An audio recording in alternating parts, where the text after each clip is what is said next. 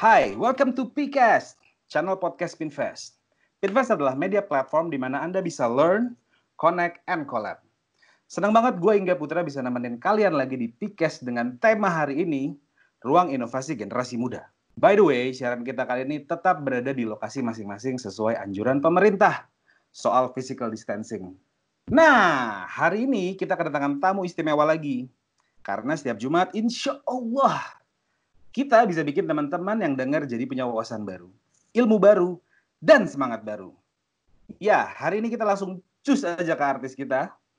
Ada Haris Abdullah, Director of Marketing dari Orbit Future Academy. Halo Mas Haris. Halo Mas Ingga, apa kabar?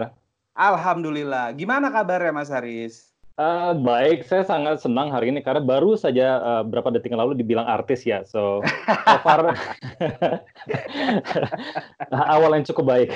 Oke oke oke, Mas Haris, lagi sibuk apa aja nih Mas Haris? Ya saat ini kita lagi uh, work from home ya, jadi dari perusahaan hmm. juga Orbit Future Academy masih work from home um, belum ada um, apa rencana saat ini untuk kembali beroperasi ke uh, ke kantor ya mungkin dalam kurun waktu satu dua minggu baru nanti kita akan uh, mulai menentukan. So ya sejauh ini kita masih di rumah aja masing-masing. Tapi kerjaan masih padat banget ya Mas Haris ya? Uh, lebih padat ya justru ya. Wah, Karena ya sebenarnya kan COVID seperti ini kan gak hanya kita bicara soal pandemiknya aja dan sisi buruknya, tapi juga sebenarnya banyak sekali opportunities yang bisa kita ambil dari um, pandemik seperti ini. Karena kalau kita lihat sebenarnya um, unicorn-unicorn startup yang ada di dunia, 40% mostly tumbuh dari sebuah pandemik ya. Walaupun nggak semuanya berhubungan dengan COVID ya. Tapi hmm. dengan adanya apa namanya permintaan yang tinggi, sesuatu yang terjadi secara uh, uh, terpaksa dan akhirnya hmm. tumbuhlah perusahaan-perusahaan tersebut yang bisa memberikan solusi. Jadi ya sangat sibuk. Oke, Mas Haris, I see, I see. By the way, kita langsung masuk aja nih ya. Boleh diceritain nggak sedikit tentang si Orbit Future Academy-nya Mas Haris ini? Ya, boleh uh, Mas Ingga. Jadi sebenarnya uh, Orbit ini bermula pada tahun 2016 ya. Hmm. Kami uh, co-founded oleh Mas Ilham Habibie ya, putra dari uh, Bapak B.J. Habibie. Dan kami mulai pada saat itu dengan membentuk sebuah gerakan bernama hmm. Berkarya Indonesia. Okay. Nah, tujuan dari BKI ini atau Berkarya Indonesia adalah untuk mengubah pola pikir masyarakat Indonesia dari perilaku konsumtif menjadi produktif. Wih, keren tentu, banget. Tentu bukan berarti uh, kami menghimbau masyarakat untuk tidak berkonsumsi ya. Hmm. Karena pertumbuhan Benar. GDP kita kan 30% dari konsumsi. Hmm. Intinya hmm. adalah kita ingin menghimbau agar masyarakat kita untuk juga berinovasi, berkarya, dan berwirausaha. Jadi untuk memastikan gerakan seperti ini tujuan tercapai, kami coba menargetkan gerakan ini ke youth, masih nggak ke hmm. anak-anak hmm. muda. Jadi kita membuat berbagai macam kegiatan yang melibatkan anak muda, mulai dari uh, festival, workshop, seminar, hmm. dan lain-lain. Lalu um, awal tahun ini um, kita mulai evolve ya dan terjun hmm. fokus ke pendidikan, specifically dalam industri startup. Oh, I see. Seperti itu. Oke oke. Ini berarti timnya ada siapa aja Mas kalau di uh, dari si Orbit Future Academy ini? Oh, ada banyak. Um, co-founder kami adalah Mas Ilham Habibie, lalu ada beberapa co-founder lain. Yang satu adalah Bapak uh, Sachin Gopalan yang juga merupakan uh, former CEO dan founder of Berita Satu ya, uh, hmm. Berita Satu Indonesia. Lalu kita juga ada Mr. Nalin Singh yang merupakan startup guru. Beliau merupakan penulis dari mm-hmm. um, apa namanya uh, buku yang cukup um, laku laris berjudul Get Funded Now. Um, mm-hmm. Saat ini lagi top seller di Amazon. Yes. Um, dan ada beberapa co-founder lain yang yang apa namanya yang yang juga terlibat dalam memastikan gerakan ini tercapai. Hmm. Oke. Okay. Hmm. Nah, salah satu acara nih yang digagas oleh OVA. Boleh nggak nih saya manggilnya OVA? Boleh dong. Future Academy. Oke, salah satu yang digagas oleh OVA itu kan uh, Orbit Habibi Festival, benar nggak mas? Uh, Habibi Festival tanpa Orbit. Just Habibi Festival, oke. Nah, apa yang menjadi highlight dari acara Habibi Festival tahun lalu? Dan apa nih yang beda dari tahun ke tahun? Oke, jadi mungkin saya kasih sejarahnya sedikit ya, apa itu Habibi hmm. Festival ya. Oke. Okay. Jadi ini kita singkat Hubfest ya. Hubfest ini adalah festival teknologi dan inovasi hmm. yang mana kita menampilkan teknologi dan inovasi karya anak bangsa. Dengan harapan ini bisa memberikan inspirasi ke anak-anak kita untuk berkarya dan berinovasi. Hmm. Nah, awalnya festival ini uh, merupakan sebagai hadiah ulang tahun untuk Bapak B.J. Habibie almarhum yang ke-80, tiga tahun lalu. Okay. Jadi kami awalnya menyelenggarakannya di Museum Nasional, uh, dulu namanya Museum Gajah ya. Yeah. Durasi selama empat hari dan pada saat itu sebenarnya ekspektasi kami setidaknya 8.000 pengunjung deh yang datang. Itu juga kami cukup happy gitu. Dan ternyata setelah acara itu dibuka oleh Bapak BJ Habibie, kenyataannya 56.000 pengunjung yang datang. Banyak 56 banget. 56.000. Iya, makanya ini membludak ya. Dan ini ternyata memecahkan rekor pengunjung terbanyak yang datang ke museum di Indonesia. Gara-gara Habibie Festival. Nah, um, akhirnya kami menyadari bahwa ternyata masyarakat Indonesia sebenarnya haus dengan acara-acara festival seperti ini yang menampilkan teknologi, mm -hmm. tapi berunsur um, edukasi. Tujuannya adalah untuk untuk edukasi. Hmm. Akhirnya kami kerjasama dengan Bekraf ya, Badan Ekonomi Kreatif. Kami menyelenggarakan Habibie Festival pindah ya ke J Expo Kemayoran Jakarta. Dan itu juga kami kaget karena ternyata banyak sekali pengunjung yang datang dari dari luar kota gitu. J Expo Akhirnya, kemarin ya Mas ya, J sorry. Hmm? Expo itu berarti acara yang tahun lalu ini kan, yang kemarin ini kan, belum lama ini. Iya, okay. iya, yang kemarin ini dan jadi kita udah tiga kali ya di J Expo. Oke. Okay. Hmm. Dan akhirnya kita banyak sekali uh, feedback ya dari hmm. pengunjung yang datang. Hmm. Mereka selalu mengatakan kenapa acara seperti ini hanya di Jakarta gitu. Oh. Biasalah mereka selalu bilang why is it always Jakarta gitu. Kita kan juga butuh acara di luar dong. Betul gitu. Akhirnya kita pindah bukan kita pindah, kita bawa Habibie Festival ke Batam, kita bawa ke Solo, dan kita bawa ke Bandung dan di Bandung juga kemarin itu dibuka oleh uh, Bapak Ridwan Kamil. Um, jadi awalnya dari acara ulang tahun sampai akhirnya ini menjadi festival yang sangat besar dan oh. menjadi um, apa ya menjadi acara study tour tahunan untuk sekolah universitas. Keren, keren, Jadi menarik sekali. Kami juga tidak menyadari akan sebesar ini sebenarnya. Saya kalau ngomongin study tour tuh jadi inget zaman SD gitu loh mas. Jadi ini berarti kayak acara iptek gitu kan ya mas ya? Betul, acara iptek. Nah, Dan banyak jadi, sekali anak-anak SD yang datang. Iya, jadi kayak zaman gue SD nih mas ya zaman gue SD mm-hmm. itu gue happy banget kalau kita ada field trip, kita misalkan ke IPTEK. Di situ kan kita bisa nyobain alat-alat baru itu. Mungkin feel kayak hmm. gitu kali ya. Kayak orang juga haus Betul. akan ke acara itu. Betul, exactly like that. Sama persis seperti itu. Iya, iya, iya. Menarik juga nih. Jadi base-nya awal ini acaranya sebetulnya tujuannya untuk acara ulang tahunnya Pak Habibie gitu ya. Iya, untuk acara ulang tahun Pak Habibie. dan kami betul, responnya oke okay banget. Betul, Keren. betul. Nah, saya boleh tanya lagi Mas. Audiensnya itu iya. siapa aja sih Mas biasanya yang ngisi acara di situ? Ya, yang ngisi acara sebenarnya gini, kita kan acaranya banyak ya, makanya kita sebutnya sebuah festival ya, bukan hanya exhibition. Hmm. Jadi ada tentunya ada booth juga yang mana rata-rata akan diisi oleh anak-anak universitas ya, yang mereka berkreasi, mereka berinovasi. Karena sebenarnya um, ini tuh sebenarnya menjadi sebuah um, acara yang sangat unik untuk universitas promosi um, hmm. universitasnya karena biasanya mereka kan promosi menggunakan flyer yang mereka sebarkan di event dan sebagainya di sini hmm. mereka bisa mempromosikan universitasnya dengan menampilkan karya buatan mahasiswanya Masih. jadi misalnya kita lihat ada um, Yuli itu salah satu um, universitas yang dimiliki oleh Mas Ilham mereka uh -huh. berhasil membuat uh, miniatur pesawat menggunakan teknologi Wah. 3D printing dan itu bisa terbang. Oh iya. Gitu. Jadi hal-hal seperti itu yang kita tampilkan. Jadi kalau bicara mengenai audiens, audiens ini sebenarnya rata-rata 60% itu youth, lalu 40 persennya itu banyak ya bapak-bapak, ibu-ibu yang tentunya mereka datang bawa anak-anak gitu. I see. Yang mereka Seperti. pengen anak-anaknya wawasannya luas juga gitu ya, biar ini loh, nih teknologi udah kayak gini loh sekarang. Betul, betul sekali. Oh gitu. Ih keren banget nih mas. Itu 3D printing beneran bisa terbang mas? Beneran, terbang benar. Eh tentunya nggak hanya 3D printer ya, karena di dalamnya okay. kan ada propeller, ada beberapa okay. um, apa namanya um, alat-alat lain gitu. Tapi ujungnya bisa terbang. Itu di di dipraktekin tuh terbang itu mas di situ itu. Kenapa? So, iya dipraktekkan. Hmm. Dipraktekkan. Banyak sekali nggak hanya pesawat terbang ya, ada juga boat ya, motor boat. Um, hmm. Sampai mereka bawa kolam miniatur untuk uh, untuk praktek uh, Jadi apa pengunjung yang datang bisa nyoba pakai remote control dan hmm. sangat menarik sebenarnya. Dan apa namanya ya itulah menjadi uh, kenapa acara seperti ini menjadi study tour ya karena sifatnya sangat edukatif dan memberikan inspirasi ke anak-anak muda gitu untuk berkreasi. Keren sih mas kalau acara IPEC sih mas, setuju saya sih kalau kayak gitu. anyway nih mas, yes. Kalau uh, apa ya Habibi Festival tahun ini gimana mas? Bakalan ada lagi kah? Atau akan dibuat event virtual? Mengingat dampaknya kan seperti sepertinya pandemi belum berakhir nih. Hmm. Gimana, Mas? Oke, okay, untuk tahun ini sepertinya kita off dulu ya, hmm. karena uh, ini kan acara yang membludak ya, dan bukan momen yang tepat.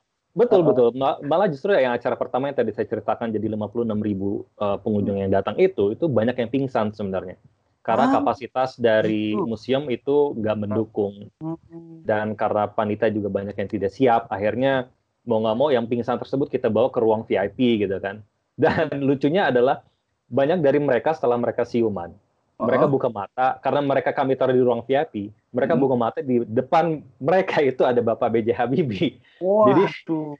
akhirnya mereka mereka bersyukur gitu kan. Oh kalau saya tidak pingsan saya nggak bisa ketemu, nggak bisa selfie dan sebagainya. Dan ini kejadian gitu kan. Ya, gitu. iya.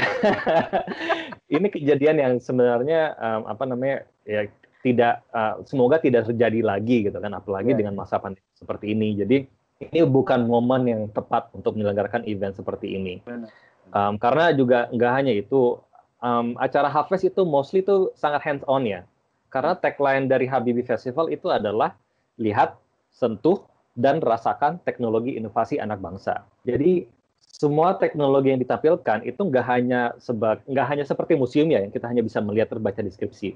Tapi bisa dilihat, disentuh, kita pakai, misalnya ada teknologi VR, augmented reality, kita bisa mencoba, dan banyak sekali workshop-workshop yang mana uh, mereka bisa uh, berkreasi from zero to maker, jadi sangat hands-on, yang mana it's um, one thing we shouldn't do at this moment kan, to touch, so yeah, yeah, yeah, so yeah. tahun ini kita off dulu mau nggak mau.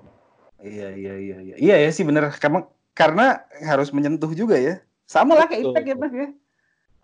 Jadi untuk mengubah event seperti ini menjadi virtual, it's uh, physically impossible. Oke, okay. Noted mas, siap. Berarti tahun ini nggak akan ada. So far acara udah berapa? Udah berapa kali sih mas Habibie Festival ini jalannya? Udah berapa acara uh, Festival ini jalan? Kita su sudah delapan. Jadi um, empat, so, eh sorry, kita tujuh ya, empat di Jakarta, lalu satu di Batam, Solo, dan di Bandung. Ya tujuh, tujuh Habibie Festival. Hmm, I see. Ya. Nah, kalau nggak salah ingat nih Mas ya. Dalam Habibie Festival itu kan ada STEAM, Science, Teknologi, Teknik, Seni, dan Matematik. Nah itu gimana Mas? Boleh jelasin nggak Mas? Ya, sebenarnya um, terms yang lebih banyak diketahui adalah STEM ya. Namun STEM. Mas Ilham memasuk, memasukkan A di sana yaitu art ya. Jadi okay. STEAM itu adalah singkatan dari Science, Technology, Engineering, Arts, and Mathematics. Jadi oh. emang um, fokus ke Habibie fokus Habibie Festival adalah kita untuk promote STEAM pada intinya. Hmm. Karena kami percaya bahwa um, STEAM itu merupakan ilmu yang penting untuk hmm. didalami generasi penerus bangsa. Karena hmm. gini, kalau kita lihat sekarang ya dengan cepatnya industri yang selalu yang berubah saat ini, kebanyakan orang tidak tidak tidak uh, tidak tahu bentuk lapangan pekerja yang ada di 10 tahun ke depan itu seperti apa. Hmm. Itu nggak ada yang tahu gitu.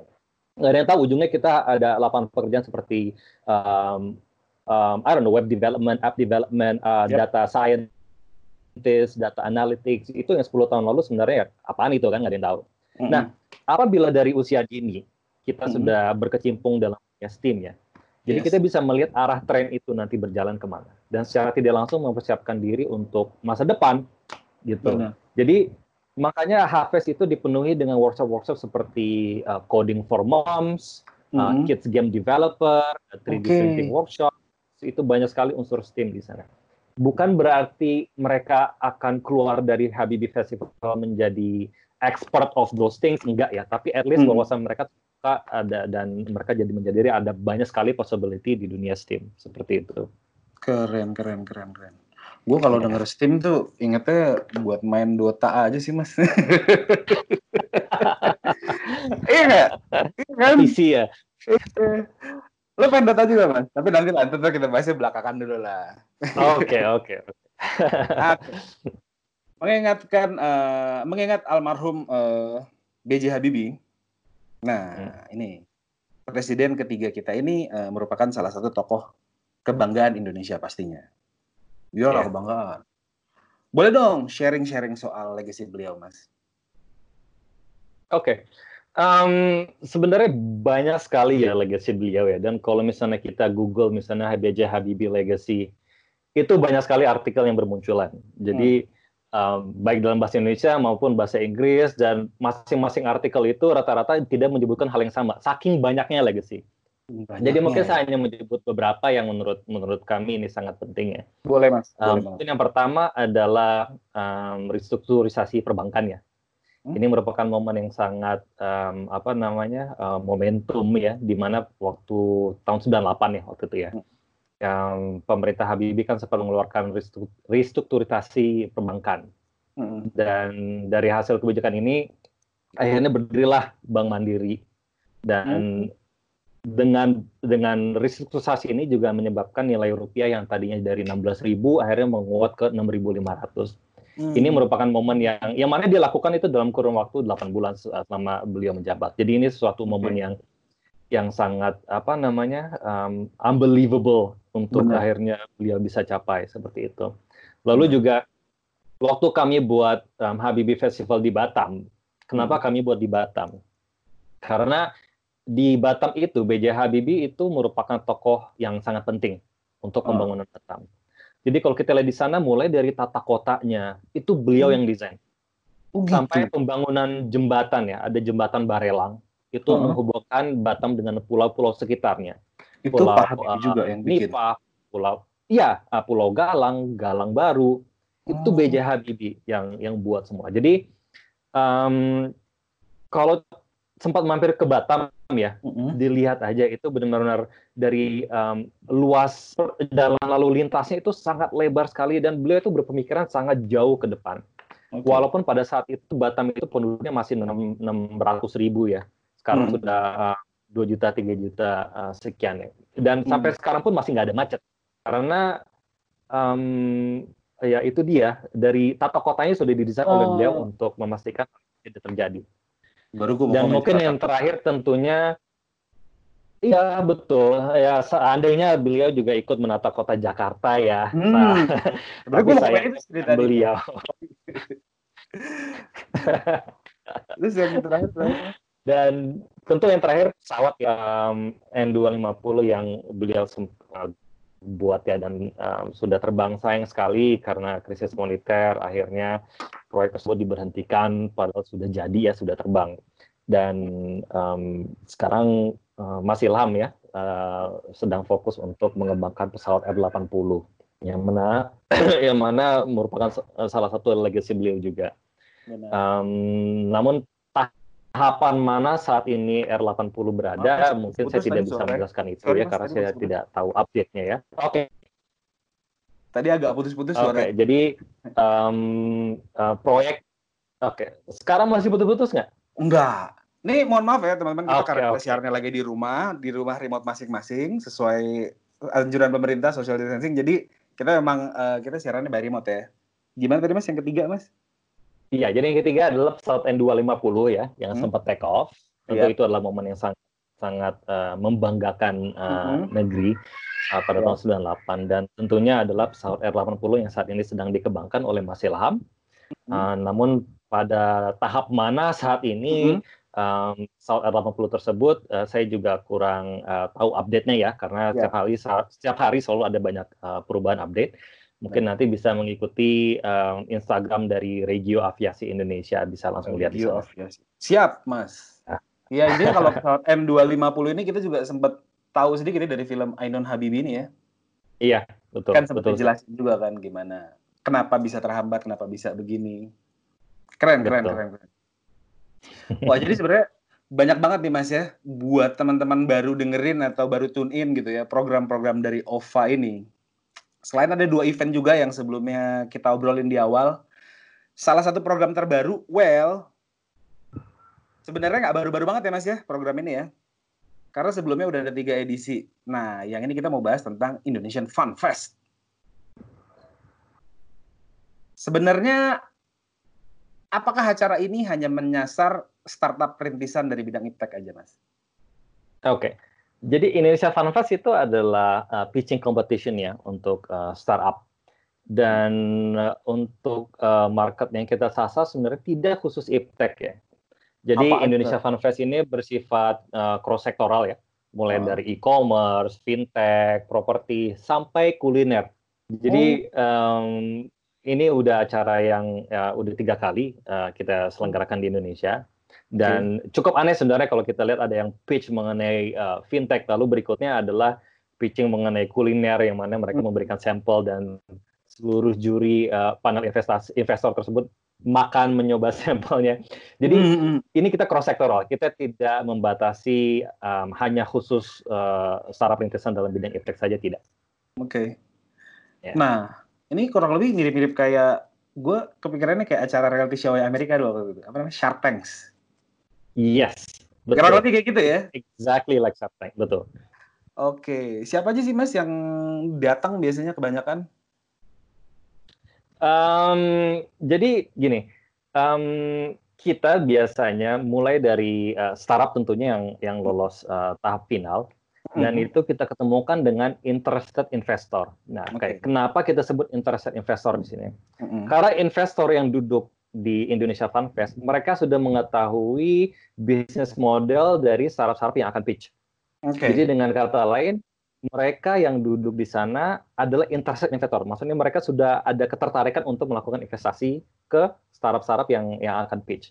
Okay, Dan um, sama persis seperti Shark Tank ya. Sorry, putus-putus kan tadi mas, putus ada lagi. tiga atau empat ya.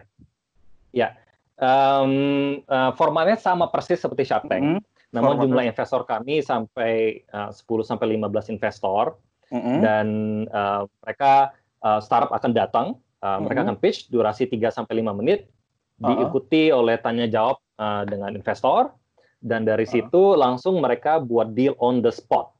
Jadi oh, apakah gitu. apabila mereka tertarik, oke okay, tertarik, tertarik berapa mereka negosiasi, berapa equity yang mereka dapat, berapa hmm. dana yang dibutuhkan oleh startup, langsung mereka deal on the spot. Nah itu kalau untuk sebuah startup gitu ya Mas, ya, kita ngomongin soal sebuah startup. Parameter dia memenuhi kualifikasi untuk bisa masuk ke dalam itu apa aja sih Mas? Oke. Jadi sebenarnya um, parameternya sangat banyak ya. Karena hmm. biasanya kalau kita lihat um, startup-startup kita itu mulai dari segi uh, desain produk, mulai dari segi okay. inovasi yang mereka lakukan dalam uh, produknya itu sebenarnya sudah cukup bagus ya, sudah sangat bagus. Okay. Bahkan banyak dari mereka yang memiliki produk yang bisa memberikan social impact. Namun hmm. yang yang kurangnya adalah um, credibility.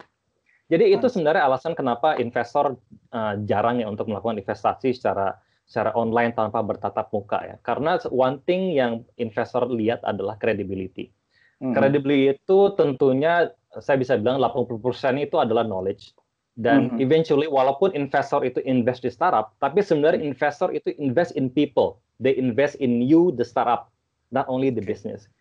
Kalau misalnya kita tidak membawa diri kita sebagai seorang yang yang apa ya yang yang sulit dipercaya atau hmm. ini terlalu gombal dalam uh, pada saat pitching dan um, itu menjadi suatu apa namanya um, suatu nilai yang negatif sebenarnya. Jadi kita melakukan banyak sekali screening uh, sebelum ke tahap itu. Jadi um, kita ada uh, first pitch dengan uh, startup-startup yang sudah daftar. Jadi ada hmm. saya, ada tim saya dan juga ada beberapa expert um, mm-hmm. industri yang yang bantu melihat pitching, tanya jawab, dan apabila kita mm-hmm. melihat mereka sudah cukup mapan atau mm-hmm. investment ready, kita mm-hmm. bawa mereka ke funfest. Apabila mereka belum ready, kita akan bawa mereka ke bootcamp. Bootcamp itu kayak sesuatu kursus ya. Oh, kursus oh, yang dibikin 24 jam, ya untuk memastikan mereka bisa um, um, apa namanya bicara satu bahasa lah dengan investor seperti itu. Oke, okay. berarti ada tiga acara tuh mas yang udah running tuh ya? Yes, oh, udah, maksudnya udah, udah tiga kali bikin acara ini. Betul. Ada betul, mas, satu kali. gitu mas, boleh di share nggak mas satu gitu yang berhasil gitu? Oke, okay. um, ada banyak sebenarnya ya. Mm -hmm. um, namun ada satu sebenarnya yang sangat unik yang saya lihat waktu itu kami mm-hmm. buat uh, fun fest ini di Bandung. Okay. Jadi ada satu uh, startup yang mana produk mereka adalah menggunakan teknologi Internet of Things mm-hmm. untuk uh, tukang sampah. Jadi mm-hmm. tukang sampah itu bisa mengetahui um, mereka kan biasanya kan jalan ya dari gang ke gang ya untuk mengut sampah hmm. gitu ya, sampah rumah ya. Yeah. Mereka bisa mengetahui rumah mana yang sampahnya penuh, mereka bisa mengetahui rumah mana yang kosong. Oh, ih keren juga. aplikasi dan uh, apa namanya teknologi IoT. Dan itu menarik sekali ya. Um, walaupun sebenarnya um, kalau kita lihat dari revenue streamnya juga mungkin cukup minim minim sekali ya. Karena hmm. kalau kita lihat itu kan berarti segmennya adalah um, tukang sampah gitu ya, dan itu yeah. tentunya juga uh, ini melibatkan uh, pemerintah hmm. um, sangat minim, tapi uh, mereka mendapatkan pendanaan dan ini merupakan apa ya salah satu contoh yang tadi saya bilang mengenai ide-ide startup-startup kita yang sebenarnya udah sangat kreatif dan bisa memberikan social hmm. impact. Menarik sekali. Menarik banget, Mas. Nah, yang invest yang yang ngasih investment itu siapa aja sih, Mas? Hmm. Ya ada dua ya, ada hmm. biasa ada VC, ada uh, venture capital, mm-hmm. dan ada juga apa namanya angel investor. Oke, okay, um, investor. Iya, jadi walaupun um, nanti um, panel investornya kurang lebih ada 10-15, tapi hmm. di belakang itu banyak angels yang duduk ya sebagai nice. penonton gitu kan, untuk menyimak. Biasanya sekitar 30 sampai 50 lah gitu kan yang untuk menyimak kompetisinya dan hmm. apabila mereka tertarik juga ujungnya mereka akan approach uh, hmm. untuk apa berinvest gitu dan um, cukup ini sih cukup apa namanya ya um, cukup impactful sebenarnya untuk startup startup kita. Oke okay, oke okay, oke okay. oke nanti kita lanjut ke visi ya ngomongin visi. Nah iya. yang kita tahu nih ya uh, Indonesian Fun Fest ini kan memiliki statement no sponsor ibaratnya kayak no sponsor whatsoever gitu. ibaratnya kayak gitu ya. Nah Kenapa kok nampaknya sangat berbeda dengan acara-acara yang di luar sana, Mas? Yang notabene-nya pasti ada keterlibatan sponsor. Kenapa coba, Mas? Oke, jadi sebenarnya ini um, memang sesuatu yang unik ya. Mm-hmm. Karena banyak sekali sebenarnya acara-acara startup yang mana mm-hmm. yang di atas panggung itu bukan startupnya, melainkan okay. sponsor, pembawa acara, host dan sebagainya.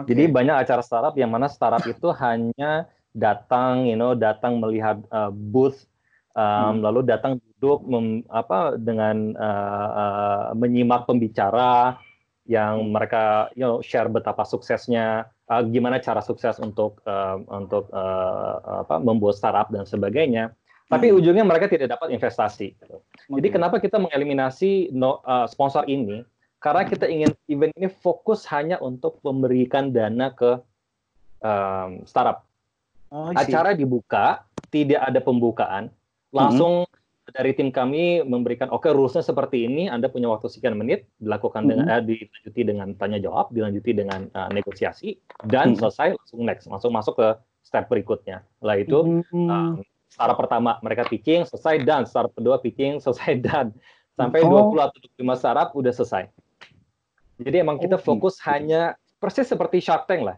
apakah Shark Tank ah. itu ada atau pembukaan kan nggak ada oke okay, oke okay, oke okay, oke seperti okay. itu I see. Keren, keren, keren, keren, keren. Jadi Banyak kayak startup yang bagus ya, tapi uh, um, akhirnya karena ada sponsor, akhirnya ini um, jadi banyak self interest sebenarnya. Um, itu yang kita coba eliminasikan. Benar, benar, benar. Nah, kita coba ngomongin ke venture capital lagi nih, Mas ya. Hmm. Di acara ini kira-kira uh, ada berapa tuh mas venture capital yang datang dan ada berapa angel ada berapa angel investor yang kelihatan yang terlibat? Uh, kalau yang terlibat biasanya ya dari panel investor kami rata-rata kebanyakan angels ya. Visi paling hmm. dua atau tiga, banyak sekali angel sisanya. Hmm. Uh, namun seperti tadi saya sebut banyak sekali juga visi yang datang untuk menyimak gitu untuk menyimak mereka hanya ingin mengetahui tren sekarang itu seperti apa produk-produk apa inovasi yang sedang dikembangkan oleh startup-startup kita dan hmm. banyak juga dari mereka yang yang startup yang mereka sudah pitch ternyata nggak dapat investasi akhirnya mereka malah dapat investasi dari visi yang nonton gitu itu juga beberapa oh. kali kejadian seperti itu jadi oh, gitu. sekitar 30 sampai 50 visi lah uh, oh. setiap acara ya. I see, I see. Parameter apa sih mas kalau kita misal nih contoh gitu ya, kita mau kalau kita ngomongin visi gitu ya, mereka kan ngasih funded ke kita gitu kan. Hmm. Kira-kira hmm, ada tips enggak atau nggak ada tips nggak dari Mas Haris gitu gimana caranya kita biar bisa dilirik sama si angel investor atau si venture capital untuk dapat fund dari mereka? Oke, okay. tips ya. Kalau hmm. tips sebenarnya um, gini, nomor satu adalah financial literacy. Oke. Okay. Nah, sebelum saya menjelaskan lebih lanjut, um, mungkin uh, saya cerita dikit ya.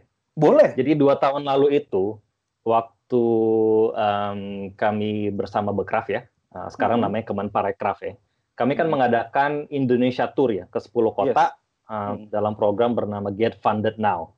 Hmm. Nah, di sini kita ketemu 2.500 startup dalam tour hmm. di 10 kota. Hmm. Kita lihat startup-startup tersebut sebenarnya sangat kreatif seperti tadi uh, apa uh, gue sebut ya mereka inovatif terus mereka hmm. juga uh, mulai dari produk yang mereka kembangkan desainnya bisnis modelnya distribution channel hmm. sampai banyak saya lihat produk-produk yang bisa memberikan apa social impact nah yeah. sayangnya financial literacy mereka tuh sangat kurang gitu hmm. jadi produk yang mereka kembangkan sangat bagus dan marketnya itu ada tapi mereka belum bicara satu bahasa dengan investor apa tuh mas Nah, maksudnya bukan bahasa Inggris atau bahasa Indonesia ya, oh, oh. tapi bahasa keuangan gitu, financial literacy.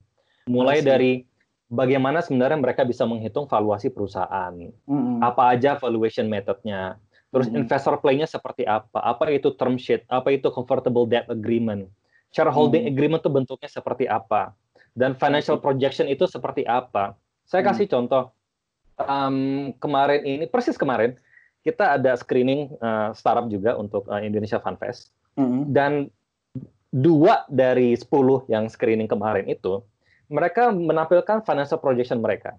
Mm-hmm. Yang mana itu bentuknya tuh kayak hockey stick, naik mm-hmm. ke atas terus. Mm-hmm. Nah, setelah kita tanya jawab, pada mulai sesi tanya jawab, kita tanya mm-hmm. penjualannya gimana selama masa COVID ini, ternyata penjualan mereka self drop 90%. Oh. Nah, kalau sales mereka drop 90%, kenapa financial projection itu terus naik ke atas gitu kan? Dan hmm. Ini sebenarnya sesuatu yang bisa bisa apa ya? Bisa teratasi. Jangan sampai um, startup-startup tersebut menampilkan sesuatu yang gak make sense di mata investor gitu. Hmm. Mereka melihat oke okay, investor mau semuanya tuh projection uh, financial projection tuh yang naik gitu. Hmm. Tapi kita sebenarnya atau investor sebenarnya mau yang sensible gitu, yang make sense. Hmm. Nah, jadi financial literacy ini sangat sangat kurang ya. Jadi kalau misalnya bicara mengenai tips, tips nomor satu itu adalah financial literacy. Kalau bisa malah um, hire satu orang hmm. untuk fokus hanya mencari pendanaan. Yes. Jadi nggak hanya harus CEO terus ya yang bantu hmm. cari dana. CEO kan they have company to run gitu kan. Yep, Hire a person yang khusus untuk cari pendanaan. Ibaratnya kalau perusahaan teknologi pasti ada CTO. Nah, startup yang membutuhkan pendanaan harus ada CFO. Oke. Okay. Gitu. Atau CEO yang mengerti bahasa keuangan. Hmm. Dan ini sebenarnya tidak mudah gitu. Karena kalau kita lihat ya statistically, hmm. satu dari 40 investor akan merespon proposal dari startup. Satu dari 40. Oke. Okay. Secara statistik ya. Nah, hmm. dari situ kita lihat di Indonesia jumlah hmm. angels dan VC yang terdaftar ya, yang terdaftar. Hmm. Itu hmm. kurang lebih 300 sampai 400-an. Banyak ya? Uh, dikit, itu dikit. Maksudnya dari 300 itu berapa banyak yang um, tertarik dengan industri yang startup kembangkan, yang Anda kembangkan misalnya sebagai okay. startup. Dari 300 itu berapa banyak tertarik dalam um, dalam fintech gitu. Dan uh. dari yang tertarik dengan fintech, berapa banyak tertarik dengan um, lokasi atau uh, segmentasi pasar yang yang yang startup itu tuju gitu kan. Itu sangat hmm. dikit. Kalau hmm. di India itu juga um, ada sekitar 800-an. Nah, hmm. di Amerika itu ada 300 ribu. Wow. Di Cina juga banyak sekali. Nah, jadi sebenarnya kalau kita tanya, hmm. kalau Anda membutuhkan uang ya, startup ya, hmm. ke mana sebenarnya mereka harus cari investasi? Apakah Benar. Indonesia atau Amerika? Atau Benar. mungkin Indonesia hanya untuk seed funding aja gitu, funding uh, tahap pertama dengan nominal cukup kecil dan ke depannya itu dari luar gitu. Kita lihat Tokopedia dapat dana dari mana, Gojek dapat dana dari mana. Ah, itu yes. harus harus harus kita ini apa namanya harus kita. Um, nah ini masuk ke uh, ke ke tips kedua ya yaitu research. Mm -hmm. Research. Ini kita harus research. um, startup-startup yang saat ini sedang um, uh, marak ya, hmm. yang sedang uh, uh, berpotensi juga ya. Kita harus lihat uh, sebenarnya mereka dapat pendanaan dari mana, apa hmm. yang mereka tuju, uh, um, apa namanya dan uh, siapa yang mencari dana, siapa nama investornya, investornya itu tertarik di industri bidang mana. Hmm. Um, jadi research itu sesuatu yang yang sebenarnya sangat sangat ini ya sangat sangat penting. Iya, Karena iya, iya. tadi uh, tadi gue sempat mention kan kalau misalnya investor itu mementingkan kredibilitas. Mm-hmm. Dan dari kredibilitas itu 80 persennya adalah knowledge. Dan dari knowledge itu mm-hmm. penuh dengan research. Tanpa research, aduh, susah, yeah. gak siap. Jangan sampai mereka sudah lolos sampai babak final, ternyata pada saat tanya jawab Q&A, wah, ketahuan knowledge-nya sangat kurang. Okay. Betul. Padahal, aduh, padahal untuk mendapat kesempatan itu sangat susah gitu. Satu dari 40 investor loh. Iya benar. Yang merespon. Itu aja berarti kekurangannya dari orang-orang itu adalah eh, kekurangannya dari anak-anak yang startup ini adalah mereka kurang financial literacy ya. Betul, financial literacy. Penting sekali. Itu Penting ya. sekali. Ada lagi yang ketiga, Mas? Tadi kan baru kedua tuh. Uh, yang ketiga apa ya? Karena kalau kita lihat sebenarnya startup kita sudah inovatif, sudah sangat kreatif loh. Cuman ya itu aja dalam metode mereka untuk mencari dana gitu ya. Dan apa namanya kayak saya kasih contoh di Habib Festival sering banget ada eksibitor yang mereka buat mobil listrik.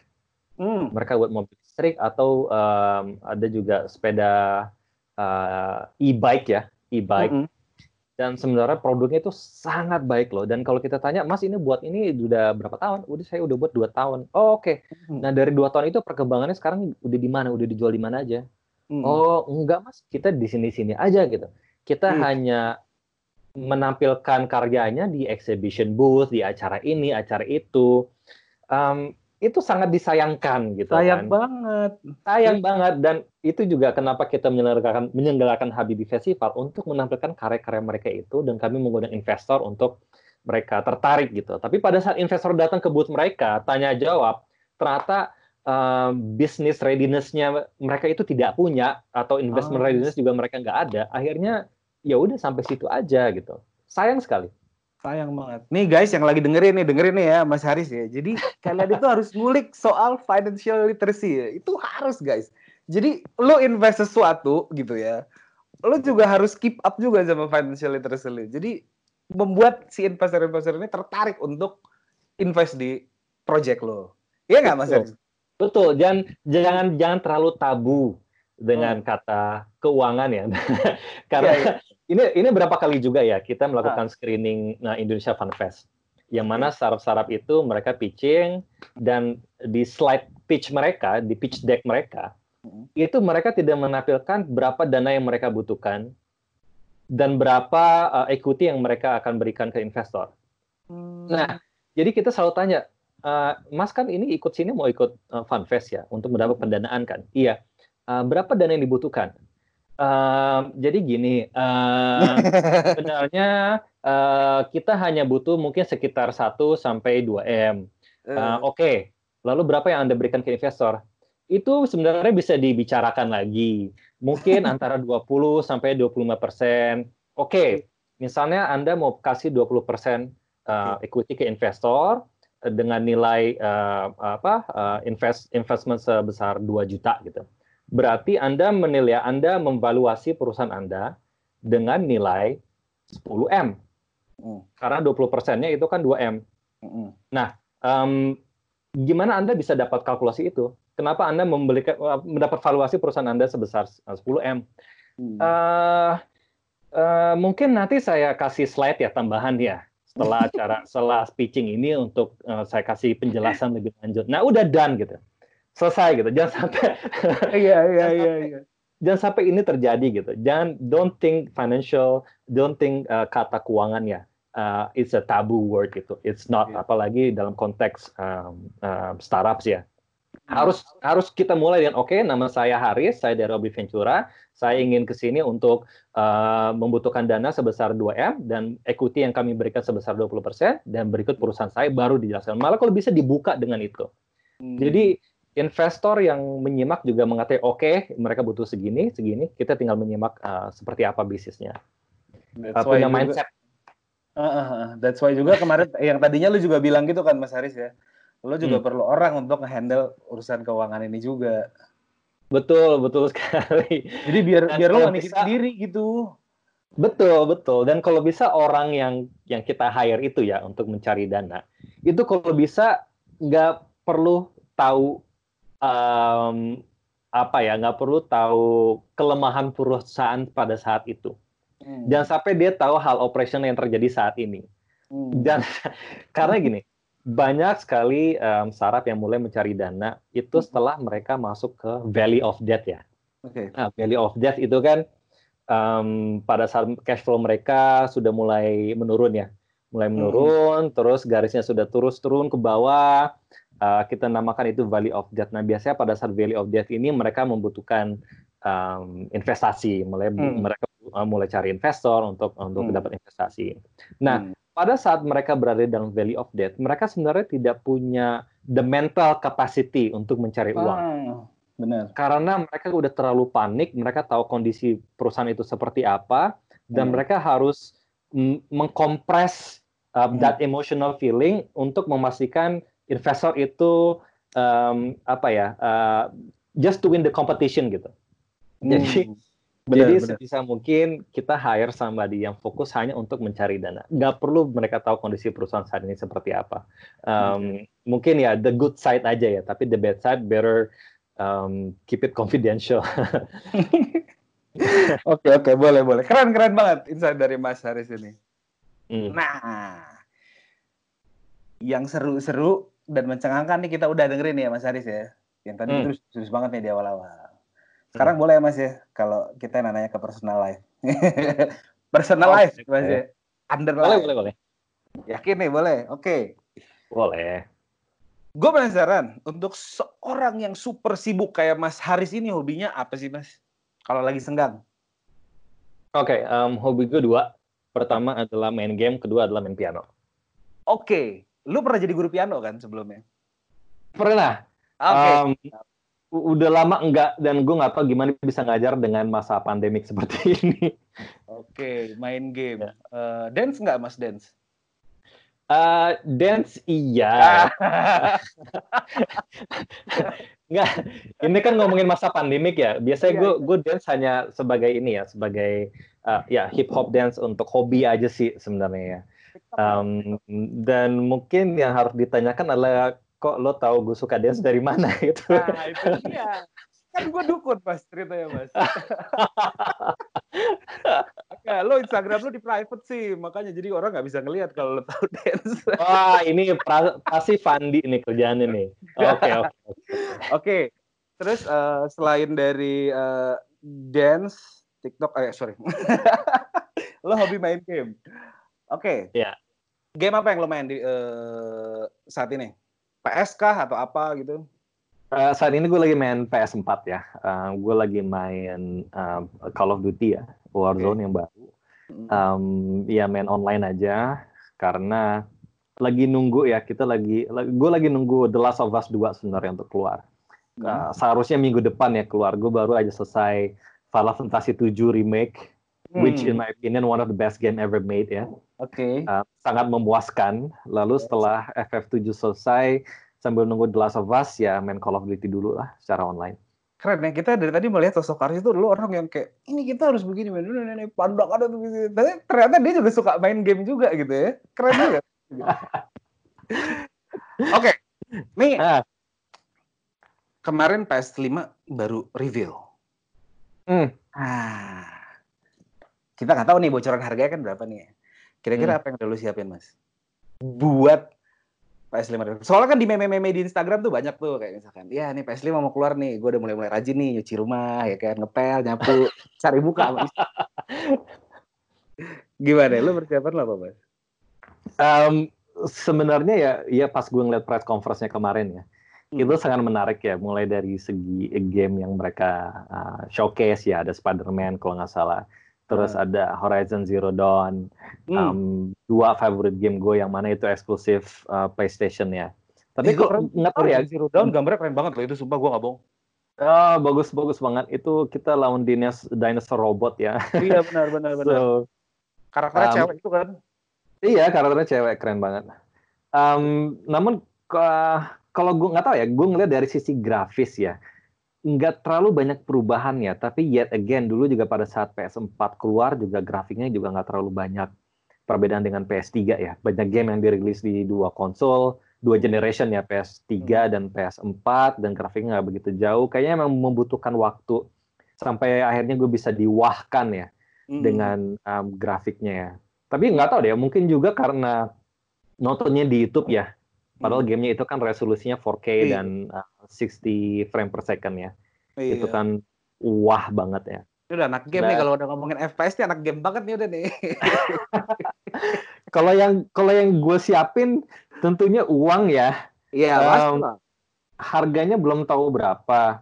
Dan walaupun harganya udah ketahuan, biasanya pas awal-awal nongol di Indonesia pasti langsung wah tiga kali lipat, empat kali lipat gitu kan. Gak make sense um, harus sabar gitu kan, sabar uh, nunggu sampai officially launch di Indonesia.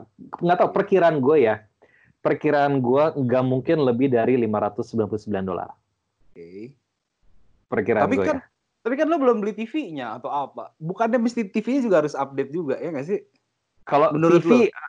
TV harus 4K dan um, alhamdulillah gue udah 4K ya karena waktu berapa bulan lalu gue upgrade ke PS4 Pro. Jadi gue okay. gue dari PS4 gue gue ganti ke PS Pro untuk main um, Death Stranding sama hmm. Final Fantasy 7. Jadi Kritis itu sekali Anda ya. Iya. lo sampai lo mengganti PS4 lo jadi PS4 Pro itu kan gimana ya? Lo demanding banget sama grafik berarti ya? Sangat sangat karena gue juga main PC gitu. Gue juga main PC dan di PC gue main 4K dan ini game yang gue tunggu-tunggu dan sayangnya hanya eksklusif PS4 ya. Um, Death Stranding yang mana itu directed and produced by Hideo Kojima, one of the best um, apa nah best uh, people Metal Gear. Uh, iya Metal Gear Solid kan um, ex Konami yang gue idolakan banget gitu. Jadi yeah, yeah. haruslah I need to change this to 4K. Akhirnya upgrade ke 4K, PS4-nya dijual, um, TV juga mendukung dan ya happy sih happy banget jadi untuk untuk TV gue udah siap ya Oke. Okay. Untuk PS PS 5 ya. Tinggal uh. ini aja nih, tinggal uang ya. uh, lagi Covid nih masalahnya nih. lagi boncos ya. Iya iya iya iya iya iya. Anyway, ada target pribadi apa nih tahun ini yang belum kesampaian? Gadget kah atau ada yang diincer kah tahun ini? PS5 sih kayaknya ya. Kayaknya sih kayaknya sih PS5 ya. Karena untuk gadget, gadget gue bingung sebenarnya gadget apa lagi yang yang yang gue gue tunggu-tunggu ya. Um, handphone juga, aduh gitu-gitu aja sih, tablet gitu-gitu aja. Handphone gue udah Dan, ini gitu, masih gitu-gitu aja katanya. Iya masih gitu-gitu aja, cuman you know launch new product, megapixelnya lebih tinggi dan uh, ujungnya dipakai selfie juga front kamera yang akhirnya dipakai. um, Enggak, uh, kayak nggak ada gadget yang gue tunggu sebenarnya. Kecuali ya itu ya next gen console ya. Um, okay. PS, PS apa namanya PS5 ya. Hmm. Dan gue nggak tahu apakah itu akan keluar akhir tahun ini. Kayaknya sih, I don't know, maybe maybe early 2021 ya. Um, yeah. Hopefully sih, aduh kalau bisa tahun ini uh, that will be great ya. Yeah. Um, but uh, I don't think so. Susah. Apa game apa game yang lo harapin? Kira-kira bakalan amazing di sana? Oke, okay, yang gue harapin adalah gue nggak tahu ya, gue gue bukannya Sony fanatik ya, karena gue juga main PC. Hmm. Tapi game-game eksklusif Sony Sony itu sangat sangat wah banget ya buat gue ya. Mulai dari storyline, dari grafiknya, um, dan cerita yang nggak yang nggak monoton. Hmm. Um, gue nunggu Uncharted ya, Uncharted 5 uh, hmm. untuk keluar yang empat aja itu menurut gue wah itu yeah. it's, it's really a game, it's like more like an experience buat gue ya kan. Yeah. Uncharted yeah. 4. Iya, Lalu yeah. juga uh, mungkin nggak tahu produk-produk Kojima ke depannya seperti apa. Um, Final Fantasy. Nah, nih ada satu hal yang gue agak kecewa ya. Mm -hmm. Gue kecewa Rockstar ya. Mereka malah launch GTA 5 lagi Iya. PS, PS5 itu itu kan produk dari PS3 sebenarnya. Iya. Um, itu udah dua generasi dua, dua generasi. Itu hmm. sangat sangat sangat apa ya, mengecewakan ya. Gue gue berharap sebenarnya mereka bisa buat Grand Theft Auto karena di current generation ya PS4 hmm. itu nggak ada Grand Theft Auto. Iya. Um, hanya remake dari PS3 tapi mereka hanya buat Red Dead Redemption ya Yes. Um, RDR2, uh, which was good ya, yeah, but it's no hmm. GTA lah. Gue lebih suka naik mobil um, ngeroket daripada naik kuda. open world emang fun banget mas mainnya. Iya open world fun, tapi gue gue suka open world yang mana kita nggak dapat uh, uh, kayak GTA, you know, yang mana kalau misalnya kita nembak orang kita bisa langsung kabur dan you know yeah. nembak-nembak polisi. Kalau Red Dead Redemption itu kan setelah kita misalnya buat kesalahannya atau mungkin hmm. nonjok orang, ujungnya kita ada bounty yang mana kita harus yeah. bayar. Kalau kita nggak bayar bounty-nya nanti um, dikejar-kejar sama apa the sheriff. Iya, yeah, iya. Yeah, yeah. sensasi sensasi ngamuknya tuh nggak ada gitu. Itu yang gue yeah, tunggu yeah, dari yeah. Rockstar sebenarnya. Siap. siap ya, siap. we'll see lah. Semoga amin. mereka bisa buat GTA 6 ya. Amin, amin, amin, amin. Gue juga akan nunggu-nunggu itu.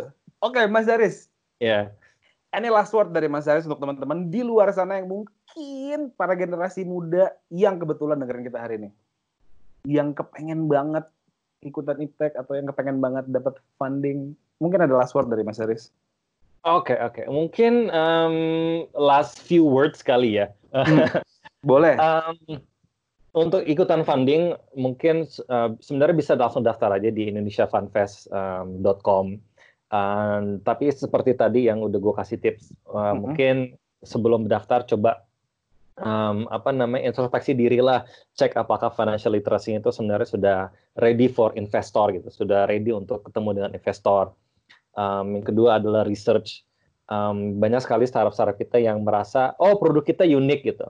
Mm. Um, padahal setelah di Google ternyata ada 8 sampai 10 kompetitor. Mm. Um, dan banyak sekali mereka juga yang merasa oh kalau produk mereka unik ini pertama kalinya itu menjadi nilai positif hmm. uh, untuk investor padahal sebenarnya itu enggak it's not a positive kalau investor uh, normally they like competition hmm. um, sesuatu unik sesuatu yang pertama which means ada a bigger chance to fail sebenarnya hmm. jadi mungkin untuk dari startup uh, itu aja tipsnya ya okay. uh, untuk anak muda um, terus berkreasi terus berinovasi um, sekarang kita ada kemudahan dalam mendapatkan wawasan yaitu YouTube. Mm-hmm. Dan ini juga gue um, share pengalaman pribadi. Tadi gue bicara mengenai 3D printing, mm-hmm. gue juga bisa merakit 3D printing dari nol dalam kurun waktu 14 jam gitu. Dan dari mana gue bisa? Gue belajar dari YouTube. I see. Gue belajar dari YouTube gimana apa itu 3D printing. Butuh waktu gue sebulan waktu itu untuk belajar. Uh, nanya, ini aja nanya-nanya di forum dan akhirnya setelah gue hmm. satu bulan belajar gue bisa uh, membuat 3D printing sendiri gitu dengan parts yang gue assemble sendiri. Dan itu bisa gue cetak gitu. Si, dan um, terus gali uh, ilmu pengetahuan ya um, manfaatkan teknologi saat ini ada seperti YouTube.